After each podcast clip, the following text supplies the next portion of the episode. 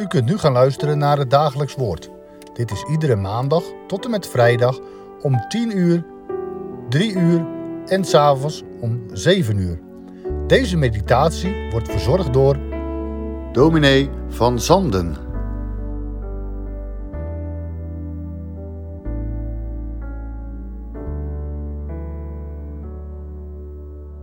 Vandaag lezen we uit 1 Samuel het achtste hoofdstuk, vers 10 tot en met 22. Daarop maakte Samuel al de woorden van de Heere bekend aan het volk dat een koning van hem verlangde. Hij zei: Dit zal de handelswijze zijn van de koning die over u regeren zal. Hij zal uw zonen nemen om hen voor zich in te zetten bij zijn wagens en zijn ruiterij, en om hen voor zijn wagen uit te laten lopen. Hij zal hen aanstellen tot bevelhebbers over duizend en tot bevelhebbers over vijftig. Ze zullen zijn akker moeten ploegen, zijn oogst binnenhalen en zijn strijdwagens en zijn wapentuig maken. Uw dochters zal hij nemen als zalfbereidsters, kooksters en baksters. Uw akkers, uw wijngaarden en uw olijfgaarden. De beste zal hij nemen en ze aan zijn dienaren geven. Van uw zaaigoed en uw wijngaarden zal hij het tiende deel nemen en dat aan zijn hovelingen en zijn dienaren geven. Hij zal uw slaven, uw slavinnen, uw beste jonge mannen en uw ezels nemen om daarmee zijn werk te doen. Hij zal het tiende deel van uw kudden nemen en u zult hem tot slaven zijn. U zult het in die dagen uitschreeuwen vanwege uw koning, die u zich gekozen hebt. Maar de Heere zal u op die dag niet antwoorden. Maar het volk weigerde naar de stem van Samuel te luisteren. Ze zeiden: Nee, er moet toch een koning over ons komen. Dan zullen wij ook zijn als al de volken. Onze koning zal ons leiding geven en hij zal voor ons uitgaan en onze oorlogen voeren. Toen Samuel al de woorden van het volk gehoord had, sprak hij die uit ten aanhoren van de Heere. De Heere zei tegen Samuel: Luister naar hun stem en stel een koning over hen aan. Toen zei Samuel tegen de mannen van Israël: Ga heen, ieder naar zijn stad. Tot zover. De Rutgeschool heeft sinds kort een nieuw schoolplein. Heel verantwoord allemaal, met veel groen en een prachtig klimtoestel en een tunnel van wilgetakken. Maar wat vooral in het oog springt is een soort rechthoekig palenscherm midden op het plein Binnen die palen hebben ze een voetbalveldje gemaakt. En ja, als het pauze is en de kinderen het plein opstormen, zijn het natuurlijk de grote stoere jongens van groep 8 die meteen beslag leggen op het voetbalveld om er een half uur lang de sterren van de denkbeeldige hemel te spelen.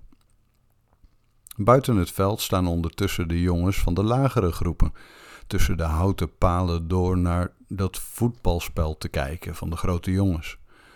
Ze hebben ontzag voor de groten. Ze zijn een beetje jaloers ook. Dat zij al wel mogen en zij zelf nog niet. Ze zouden ook zo graag meedoen, maar ze zijn er nog te klein voor. Misschien later? Volgend jaar? Ooit? Gods verbondsvolk wil ook zo graag een beetje meedoen met de wereld. Van ouds was Israël een nomadenvolk. Mijn vader was een rondzwervende Arameer, staat er in Deuteronomium 26. En dat gaat dan over aartsvader Jacob. Diens grootvader, Abraham, had ook al een zwervend bestaan geleid, sinds dat hij uit Ur der Galdeën werd weggeroepen op weg en reis naar het beloofde land, dat de Heere hem wijzen zou. Een rondtrekkend nomadenvolk woont natuurlijk niet in een stad, maar in een kamp. Zo'n volk heeft geen koning, maar een leidsman. In Israëls geval Mozes, Jozua. Zo'n volk heeft ook geen tempel van steen, maar een draagbaar heiligdom. In Israëls geval de tabernakel des Heren. Maar toen het beloofde land werd ingenomen en de tentpinnen diep in de aarde van het heilige land werden geslagen, en toen vader, zoon en kleinzoon moeder, dochter en kleindochter op hetzelfde stukje grond werden geboren en opgroeiden en stierven, besefte Israël steeds beter dat het nu, in zekere zin, een volk onder de volkeren was geworden. Israël had nu een eigen plekje tussen Edom, Filistea, Ammon, Amalek. Een kleine jongen tussen de grote jongens. En nu was het hun opgevallen dat al die volken rondom iemand een kroon op het hoofd hadden gedrukt. De Israëlieten begonnen zich af te vragen: waarom hebben wij eigenlijk geen koning? Het antwoord was natuurlijk helder, dat begrijpt u. Volk, jij hebt wel een koning. Dat is de Heere uw God, die u uit Egypteland, uit het diensthuis uitgeleid heeft. Maar Israël moet en zal een aardse koning hebben. En de Heere zegt, bij monden van Samuel, goed, doe maar dan, ga maar een koning kronen, maar Samuel, dan moet je wel eerlijk zeggen wat het volk te wachten staat als zij een andere koning zullen hebben dan mij. Kijk, een koningshuis, je zal er misschien best wat aan hebben, maar het kost ook wat. Dat weten wij Nederlanders ook en eens in de zoveel tijd wordt er flink, op gemopperd. Maar de kosten van ons koningshuis vallen volstrekt in het niet als we het vergelijken met de opsomming die Samuel het volk voorhoudt. Hij zegt: Jongens, bedenk wel, zo'n koning gaat je geld kosten, het gaat je je land kosten, het gaat je je kinderen kosten, het gaat je je werknemers kosten, je vrijheid, het gaat je, het gaat je alles kosten. Nou, dan zou je toch terugdeinzen en je achter je oren krabben en dan maar misschien van het hele plan afzien. Maar Israël wil zo graag een balletje meetrappen op het speelveld der volkeren, dat ze dat alles voor lief nemen. Ja, lieve luisteraar, het is wat hè. Zo dom van die Israëlieten, oh, oh, oh. En ondertussen doen wij, dag in dag uit, precies hetzelfde. We willen een beetje meedoen met de wereld. En dus zetten we allerhande koningen op de troon, waarvan de Heere heeft gezegd: doe dat nou toch niet, want het kost je niet een beetje, maar uiteindelijk alles. En toch doen hè. Leven voor de lol. En we zetten koning plezier een kroon op het hoofd. Leven voor je werk.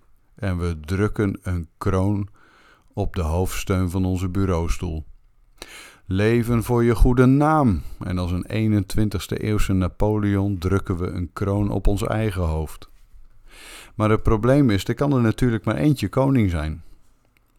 Als wij iets of iemand anders op de hoogste plaats in ons leven zetten, dan zeggen we daarmee ook tot Christus wat de knechten tot de rijke man zeggen uit de gelijkenis van Lucas 19. Wij willen niet dat deze koning over ons zij. Dat klinkt natuurlijk allemaal behoorlijk hopeloos. En dat is het ook. En als de Heer in onze geschiedenis uiteindelijk tegen Samuel zegt: luister naar hun stem. Dus ga maar doen wat ze willen, geef ze maar wat ze willen. Dan lijkt alle hoop op een goede afloop vervlogen. Dan is het met Israël even hopeloos als met u en met mij.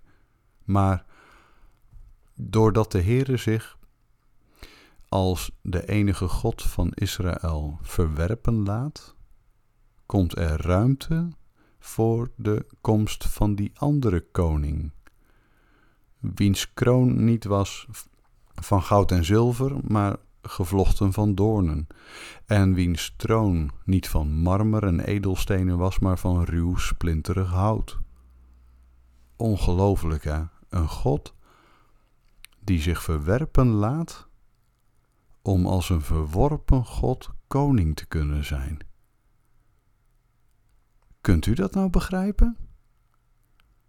Kunt u dat nou geloven?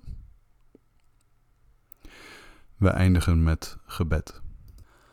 Onze Vader, die in de hemelen zijt, uw naam worden geheiligd, uw koninkrijk komen, uw wil geschieden, gelijk in de hemel als ook op de aarde.